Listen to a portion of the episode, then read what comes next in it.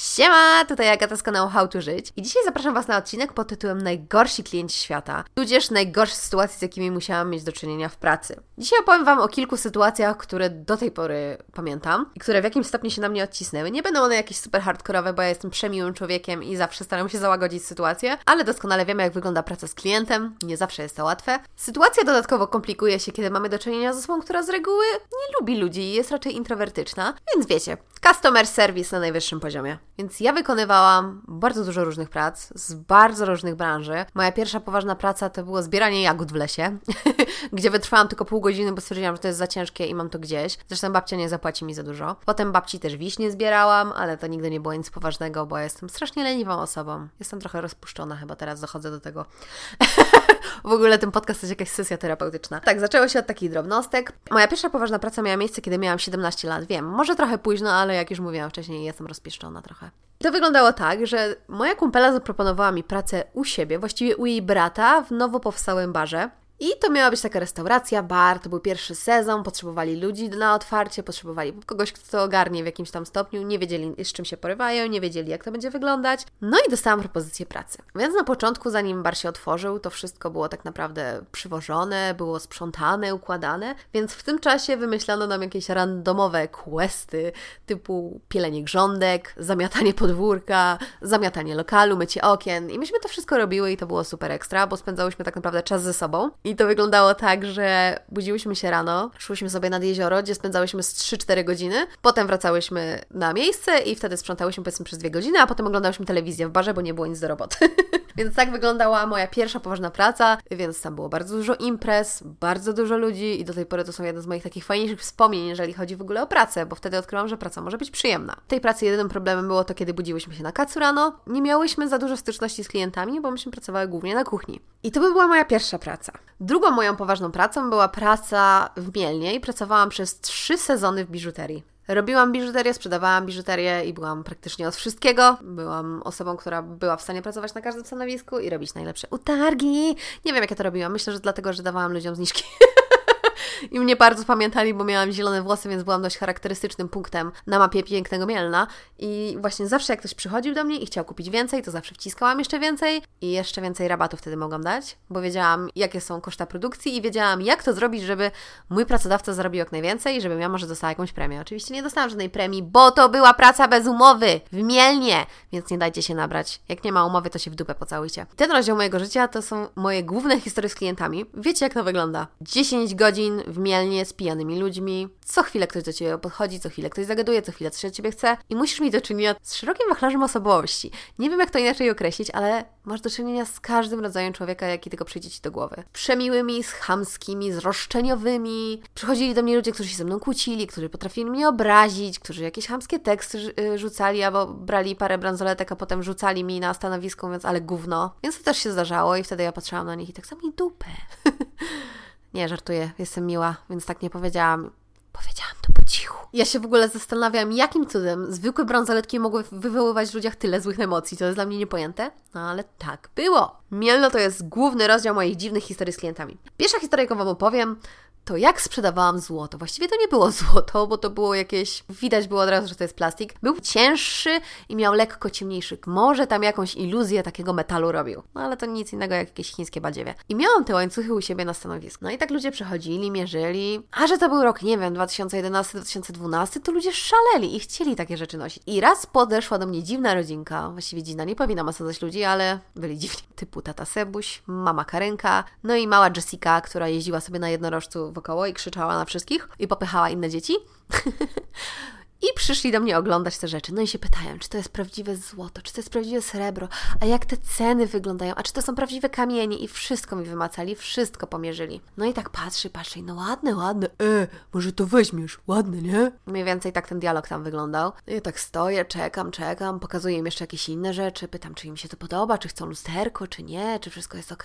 No fajne, fajne. E. A ile to kosztuje? Ja mówię, no ten łańcuch konkretnie, który pani mierzy, w tym momencie kosztuje 30 zł. O, a to złoto jest, nie? Ja mówię, mhm, tak. Jak pan widzi, że tam od, odspryskuje, to tak, to jest złoto. O, ty zajebiście, z 30 zł mamy złoto. A jaka to jest waga? Bo wie pani, ja się trochę na tym znam. Ja mówię, waga? No jak to jaka? No przecież cygańska. Tak? Takiej to ja nie znałem. I wiecie, ja byłam święcie przekonana, że on sobie ze mnie żartuje, że my jesteśmy, że my tkwimy w jakiejś dziwnej konwersacji i nie do końca wiemy o co nam chodzi, ale że mniej więcej się dogadujemy. I skończyło się tym, że sprzedałam te łańcuszek i sprzedałam jeszcze kilka innych fantów. I najgorsze jest to, że jak odchodzili od tego stanowiska, to mówił, ty, wiem, że ci złoto kupię i że będziesz miał jakiś fajny łańcuch, a tam chciałaś iść do apartu i wydać, kurde, jakieś stówy całe na łańcuch. Głupia jesteś. Wiesz, w Mielnie będzie taniej. Trzy dychy za złoto.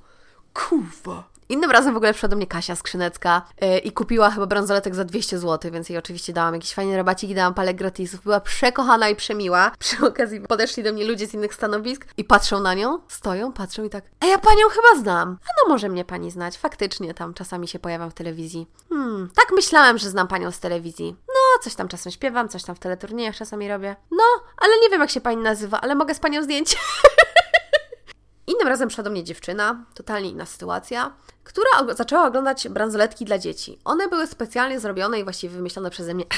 tak, ja, dział kreatywny, skończone wzornictwo, więc wiecie, Zrobiłam takie bransoletki dla dzieci, które miały średnicę o połowę mniejszą niż normalne bransoletki i do tego doczepiałam takie duże silikonowe, kolorowe breloczki, więc te dzieci naprawdę chciały te bransoletki i się nimi bawiły i mogły gryźć te breloczki, bo one były takie duże i silikonowe. Wiem, że nie powinny tego gryźć, ale i tak to gryzły. No i mamuśki z reguły szalały za tymi bransoletkami. No i któregoś dnia podeszła do mnie też taka właśnie dziewczyna. Ogląda te bransoletki, ogląda i się jara i mówi, Boże, jakie one są śliczne i słodkie. Chyba wezmę dla mojego niunia. Tak, on się tak ucieszy na pewno. A powiem Pani, czy ona ona będzie za mała na, za malutka, czy będzie ok? Z reguły są dobre. Co ma pani powiedzieć? Dzieci są różne, na rączkę wejdzie. Ale jaka rączka? Jakie dziecko? Ja mówię, no ogląda pani bransoletki dla dzieci i mówimy o jakimś nieniusiu, więc myślałam, że rozmawiamy o dziecku. Ale absolutnie! Żadnych dzieci! Ta bransoletka miała być obruszką dla mojego Jorka. Ja wtedy oczy jak 5 złotych. Ale wie pani, że tego się nie da założyć przy na szyję. No ale jak się nie da, przecież on ma taką chudziutką sz... Ale to jest guma. To, to nie zadziała. To nie zadziała w żaden sposób. O, tam nie zadziała. Wejdzie, wejdzie na szyjkę na pewno, bo on jest taki malutki. Nawet jeżeli wejdzie, to potem te włosy, futerko całe te pieska zacznie się wplątywać w tą gumkę, która jest pod kamyczkami. Pomijając fakt, że też y, gumowe były kuleczki, więc to wszystko by ścierało psu futro i by się zaplątywało, byłyby kołtuny, pies by cierpiał. To chce pani zarobić czy nie? ja mówię, nie, wolę lepiej nie, do widzenia, nie sprzedam pani bransoletki dla psa. Miałam wtedy takiego też mindfucka jednego wielkiego pod tytułem Co ludzie mają w bani, żeby wpaść na pomysł, żeby bransoletkę, która jest właśnie umiejscowiona na gumce, zakładać psu na szyję. Ja pitole w ogóle. Nie, nie, nie, nie, nie, nie, nie. Dalej idąc w kierunku właśnie sprzedawania biżuterii, ja wyjechałam też jednorazowo na delegację. W ogóle powiem delegację, bo to tak brzmi tak fancy. Ja tak naprawdę wyjechałam na festiwal wina do Zielonej Góry. Pojechałam tam na cztery dni i to był bardzo dziwny wyjazd. Miałam spać w akademiku i pojechałam tam ze swoim szefem. No i jak już tam dojechaliśmy, to okazało się, że mamy razem pokój. A akademik cały pusty, więc zagadałam, że no halo, chyba trochę tak niefajnie. może jednak będziemy mieć osobne pokoje. No jak ci tam wygodniej, ja, dla mnie możemy mieć jeden pokój. Ja mówię, he, nie, wolę jednak nie. No i faktycznie dostaliśmy te osobne pokoje, więc ja miałam taki wielki pokój dla siebie to mi nic nie dało tak naprawdę, bo okazało się, że dosłownie za ścianą miałam jakiś klub studencki, który był podnajmowany na jakieś prywatne imprezy i te prywatne imprezy były codziennie, bo to był właśnie okres tego festiwalu wina, więc tam się non-stop impreza działa. Do czwartej rano to ja mogłam zapomnieć o śnie. Właśnie codziennie rano jechaliśmy tam półtorej godziny wcześniej, żeby rozstawić się ze stanowiskami, żeby cały ten towar przyszykować. I tam też miałam dziwnych klientów. Tam zaglądali do mnie raczej tacy starsi ludzie, bo ja byłam gdzieś tam na samym końcu, gdzie już prawie nikt nie dochodził, bo było daleko od alkoholu. Zresztą się nie dziwię. I do mnie podchodzili właśnie raczej starsi ludzie, którzy byli już konkretnie nakierowani na to, co chcą. Typu szukam biżuterii, nie chcę jakiegoś badziewia, chcę naturalne kamienie. Więc znaleźli mnie. Facet właśnie tak ogląda te korale, ogląda, mówi, no, no, no, kiedyś takie chciałem. I zaczął mi je oglądać jeszcze bardziej. Zaczął sobie wsadzać je do buzi, wąchać. Ja mówię, że przepraszam, ale co pan robi? No ja sprawdzam, czy to jest naturalne. Ja mówię, widzi pan, że to jest naturalne, widzi pan te pory w tym koralu, wszystko. No, ja pani jakoś nie wierzę, ja muszę dalej popatrzeć. No i ogląda, i ogląda. w końcu do mnie mówi, a zna Pani taki żarcik, bo widzę, że tak Pani się nudzi, to ja może Panią jakoś rozbawię. No jak ma Pan jakiś dobry żart, to poproszę. No i on tak na mnie patrzy, mówię, ale się Pani chyba nie obrazi, jak powiem taki śmieszny, troszkę zboczony żart. Ja tak stoję, taka przerażona, mówię, Boże. Ja mam problem taki, że ja nie potrafię powiedzieć bardzo często nie. I przez to dochodzi do właśnie takich głupich i niezręcznych sytuacji. I ta sytuacja właśnie taką była. Ten pan spojrzał się tak na mnie zalotnie i tak to teraz Ci powiem ten żart. Przypominam, że ten pan był powyżej 70. Dlaczego kobiety nazywamy kotką? I ja tak patrzę, mówię, nie wiem. Nie wiem, czy chcę wiedzieć. To ja ci powiem, bo każdy ją miał, miał, miał. Prrr. A ja stanęłam, mówię, kurwa, to nie. to jest już ponad moje siły. Ja mówię, to nie jest śmieszny żart, to jest bardzo seksistowski żart i nie podoba mi się. Kupuje pan te korale, czy nie? Więc go spławiłam, ale potem wrócił i kupił te korale, ale było mi było mi bardzo niezręcznie, było mi bardzo dziwnie. Ludzie, to jest mały apel, uczcie się asertywności już od najmłodszych lat. Nauczcie się spławiać ludzi i mówić im nie, bo potem będziecie takimi piczkami jak ja. Inna sytuacja, przyszła inna pani i tak samo ogląda jakieś tam e, korale i znalazła nagle perły i mówi, boże, jakie piękne, czy mogę je zobaczyć i przymierzyć? Ja mówię, oczywiście, proszę. nie przymierzyła, wsadziła i zaczęła je gryźć.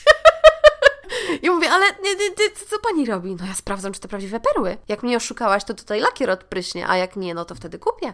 Mówię, no dobrze, ale one były na stanowisku, dużo osób je dotykało i to nie jest higieniczne. Nie, to są prawdziwe perły, trudno, biorę. Więc akurat wtedy udało mi się całkiem dużo zarobić. W ogóle co ludzie mają z tym, żeby wsadzać sobie randomowe rzeczy do japy? Innym razem działał gang fałszerzy pieniędzy w Mielnie. I to była bardzo gruba akcja. Policja chodziła, nagłaśniała. Pracodawcy kazali nam sprawdzać każde banknoty pod światło, czy one nie są podrabiane. Któregoś dnia miałam taki zapierdziel na stanowisku, że miałam z każdej strony ludzi dookoła siebie. Wiecie, ja jedna osoba na jakieś 10 i musiałam też wszystko ogarniać, patrzeć, czy nikt mi czegoś nie kradnie. No, ja jestem dość ufnym człowiekiem, ale no, jak to nie jest mój hajs, to muszę uważać. I miałam taki zapierdzie, że babeczka tam oglądała jakieś wisiorki i ona mówi, o, dla mojej wnuczki wezmę. I ta babeczka miała tak, myślę na oko, tak 60 lat. I ona tak ogląda te wisiorki, to były takie metalowe słówki. Bardzo jej się podobały, widać było, że się cieszyła, poprosiła mnie, żebym pokazała jej i odcień miedziany i srebrny. I ona tak sobie ogląda i ogląda i tak, wiesz słoneczko, ja chyba wezmę ten srebrny, ja to powinnam mieć jakieś pieniążki. Ile to kosztuje? 15, ale jak weźmie pani oba, to 20. Oj, słoneczko, to super, to ja chyba mam w ogóle dwie dyszki, gdzieś zaraz ci dam. No i ona szuka, szuka, szuka i mówi, o jeny słońce, nie mam, przepraszam. A to naprawdę była przekochana kobieta, przemiła dla mnie. Nie była hamska, była cierpliwa, bo widziała, że mam kolejkę, więc naprawdę wzbudzała zaufanie. Cię przepraszam, słońce, ale ja mam całe, całą stówkę, czy mogłabyś mi to rozmienić, bo niestety, ale no nie mam jak tutaj iść teraz do bankomatu. Ja mówię, nie ma problemu, więc jej rozmieniłam te pieniądze, no mówi, super. Dzień później mój szef pojechał do banku i dzwoni do mnie, Agata,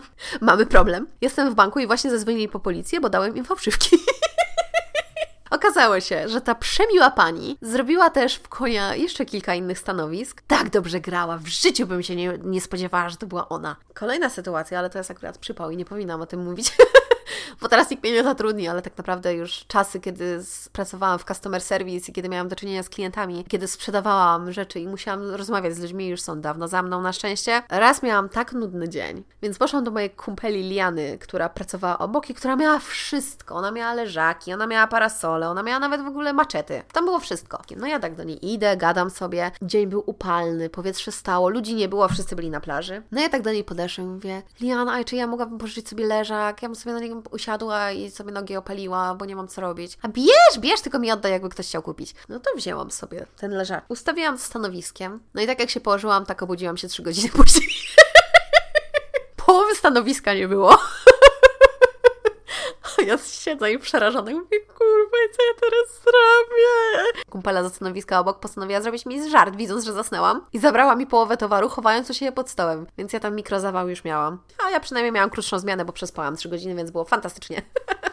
Teraz Wam jeszcze opowiem jedną historię z Mielna. I to jest jedna z lepszych historii, z bardziej śmieszniejszych, z bardziej absurdalnych historii, jakie słyszałam. Dziewczyny pracowały na stanowisku z henną. No i raz któregoś dnia, z mega wcześnie rano, one rozłożyły chyba dopiero stanowisko, przyszła ekipa pijanych gości byli na pruci wstrzydupy, jak to się pięknie mówi elegancko, i patrzyli takim zapitym wzrokiem w ten katalog i tak, a zrobicie nam dziewczyna tatuaż? No zrobimy, tylko musicie nam powiedzieć, co chcecie. A robicie takie hardkorowe tatuaże? No bo ja bym chciał na twarzy.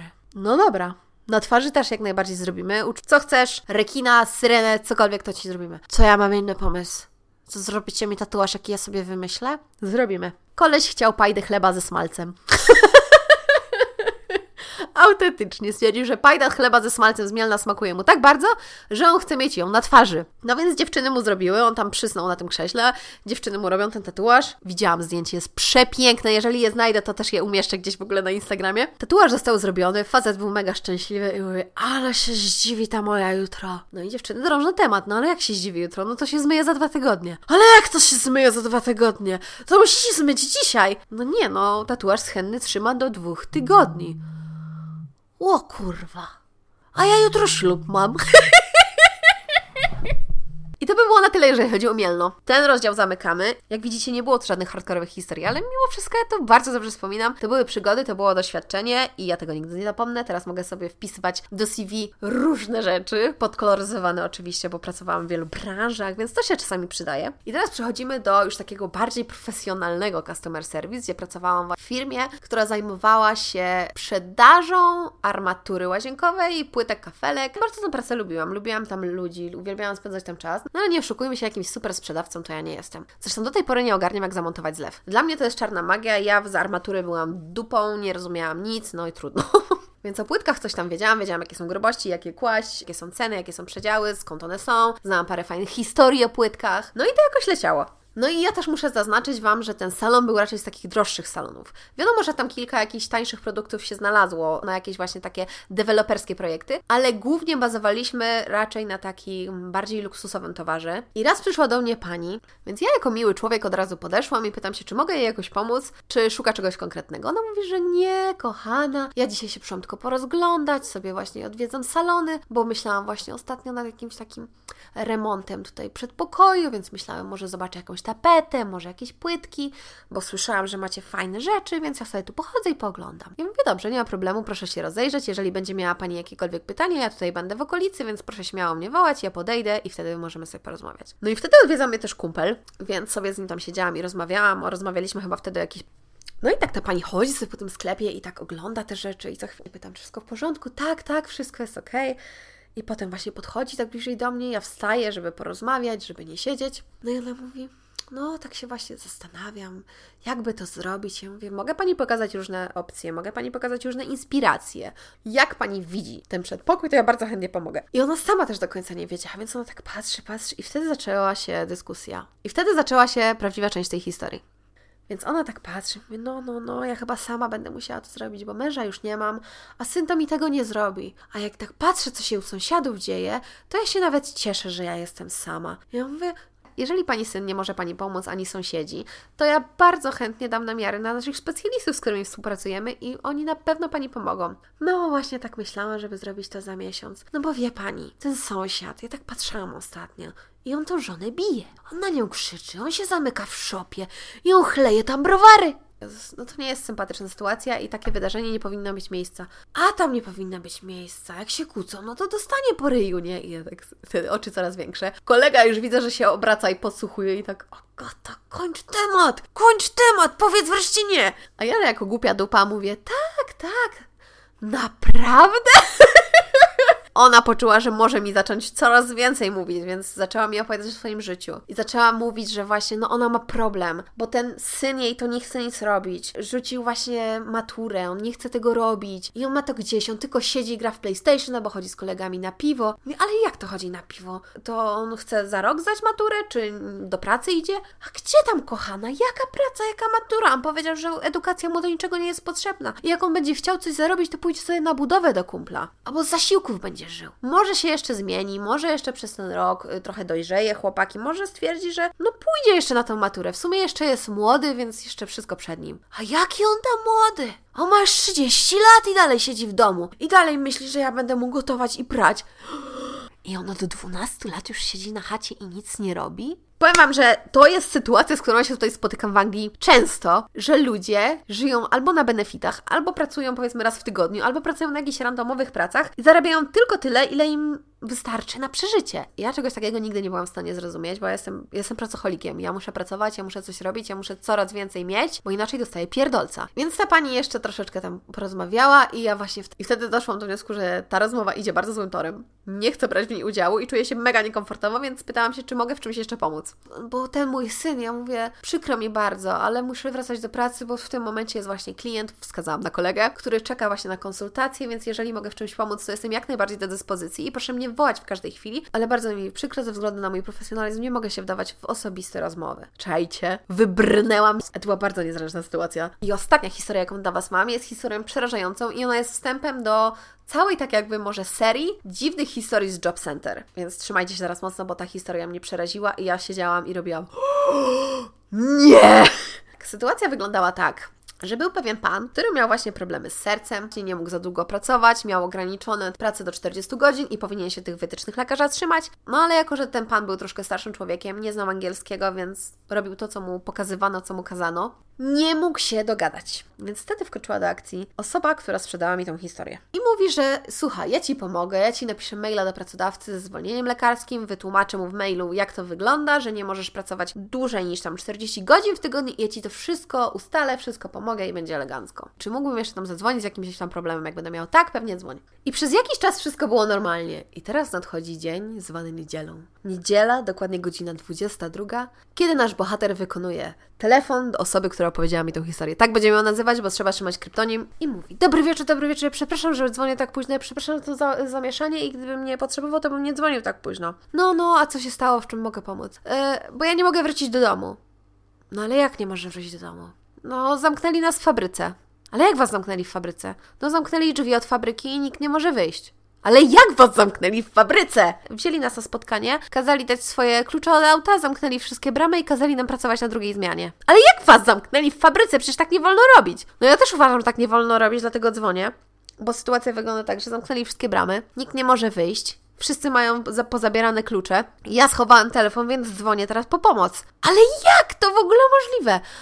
I wtedy okazało się, że agencja pracy, która koordynowała całą tą fabrykę kurczaków, nie załatwiła drugiej zmiany, a że menadżerowie to skończone suczki stwierdzili, że nie interesuje ich to, że ludzie są zmęczeni po 12-godzinnej zmianie i kazali zostać im na dodatkowe 8 godzin, aż przyjdzie następna poranna zmiana. No i stwierdzili, że najlepszym rozwiązaniem będzie zamknięcie ich w tej fabryce i zmuszenie do pracy. No Jezu, daj mi telefon, daj mi, daj, daj mi tych menadżerów do telefonu, ja z nimi porozmawiam, skoro wy nie możecie. No ale nie możemy. Ale dlaczego nie możecie dać mi nikogo do telefonu? Bo oni się zamknęli, yy, yy, bo oni się zamknęli. Ale gdzie się zamknęli? Zamknęli się właśnie w oficie z szefem i nikogo nie wpuszczają. Ale dlaczego się zamknęli? No bo był wypadek. Ale jaki wypadek? Co się takiego stało? No bo jeden facet jak usłyszał, że mamy zostać na kolejne 8 godzin, stwierdził, że ma to w dupie i on ucieka, a że drzwi były zamknięte, to stwierdził, że przeskoczy przez płot. No i jak wszedł na ten płot, tak z niego spadł i złamał sobie nogę. No i menadżerowie stwierdzili, że za, za duża afera będzie, jeżeli zadzwonią po pogotowie, więc, więc wzięli go do ofisu i położyli mu mrożonego kurczaka na nodze. To jest spokój, dawaj mi tego menadżera do telefonu, ja zaraz z nim pogadam i będę, mu, będę udawać, że jestem twoim prawnikiem i że nie ma prawa cię przetrzymywać wbrew twojej woli. Dawaj mi tego typa! No i ten poszedł z tym telefonem słyszy. Jeżeli w tej chwili nie wypuścicie pracowników, nie zadzwonicie po karetkę dla rannego oraz nie oddacie własności prywatnej mojego klienta, to zaraz dzwonię na policję i przyjadę radiowozem i was pozwiemy. Więc oni się lekko zesrali i powiedzieli, że no, no, no, no, tak, tak, już wypuszczamy. I na zakończenie została jeszcze dodana bardzo ważna wiadomość pod tytułem za dwie minuty zadzwonię znowu i upewnię się, że mój klient został wypuszczony. Do widzenia. Mam nadzieję, że nie do zobaczenia. Wypuścili wszystkich pracowników, oddali im telefony, ale ten koleś, który miał złamaną nogę, nie doczekał się karetki. Załadowali go w auto i zawieźli samemu, żeby tylko nie dzwonić po karetkę, żeby nie było głośnej afery. Pewnie macie teraz taki sam wyraz twarzy jak ja za pierwszym razem. Jeszcze na zakończenie może Wam jeszcze na zakończenie, skoro już zeszliśmy w ogóle na temat takiego okropnego traktowania pracowników, to powiem Wam jeszcze taką małą anegdotkę, jak szukałam pierwszej swojej pracy w Mielnie właśnie.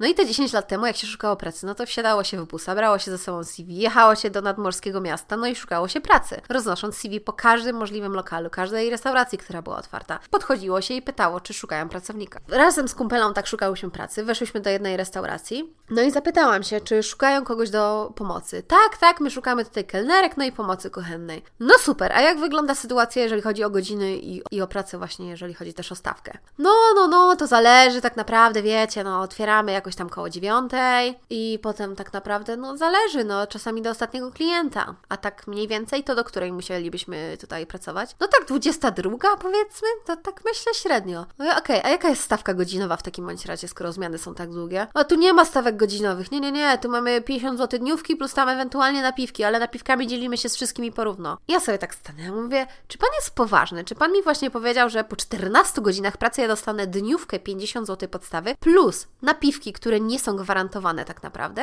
No a coś czegoś tu się spodziewała? Ja mówię, nie wiem, jakiejkolwiek lepszej pracy, bo w tym momencie przeliczając na godziny, to ja zarabiam tyle co nic. O, znalazła się miastowa, jak taka mądra, to idź sobie pracuj gdzie indziej. Najgorsze w tym wszystkim jest to, że on na pewno znalazł kogoś na to moje miejsce.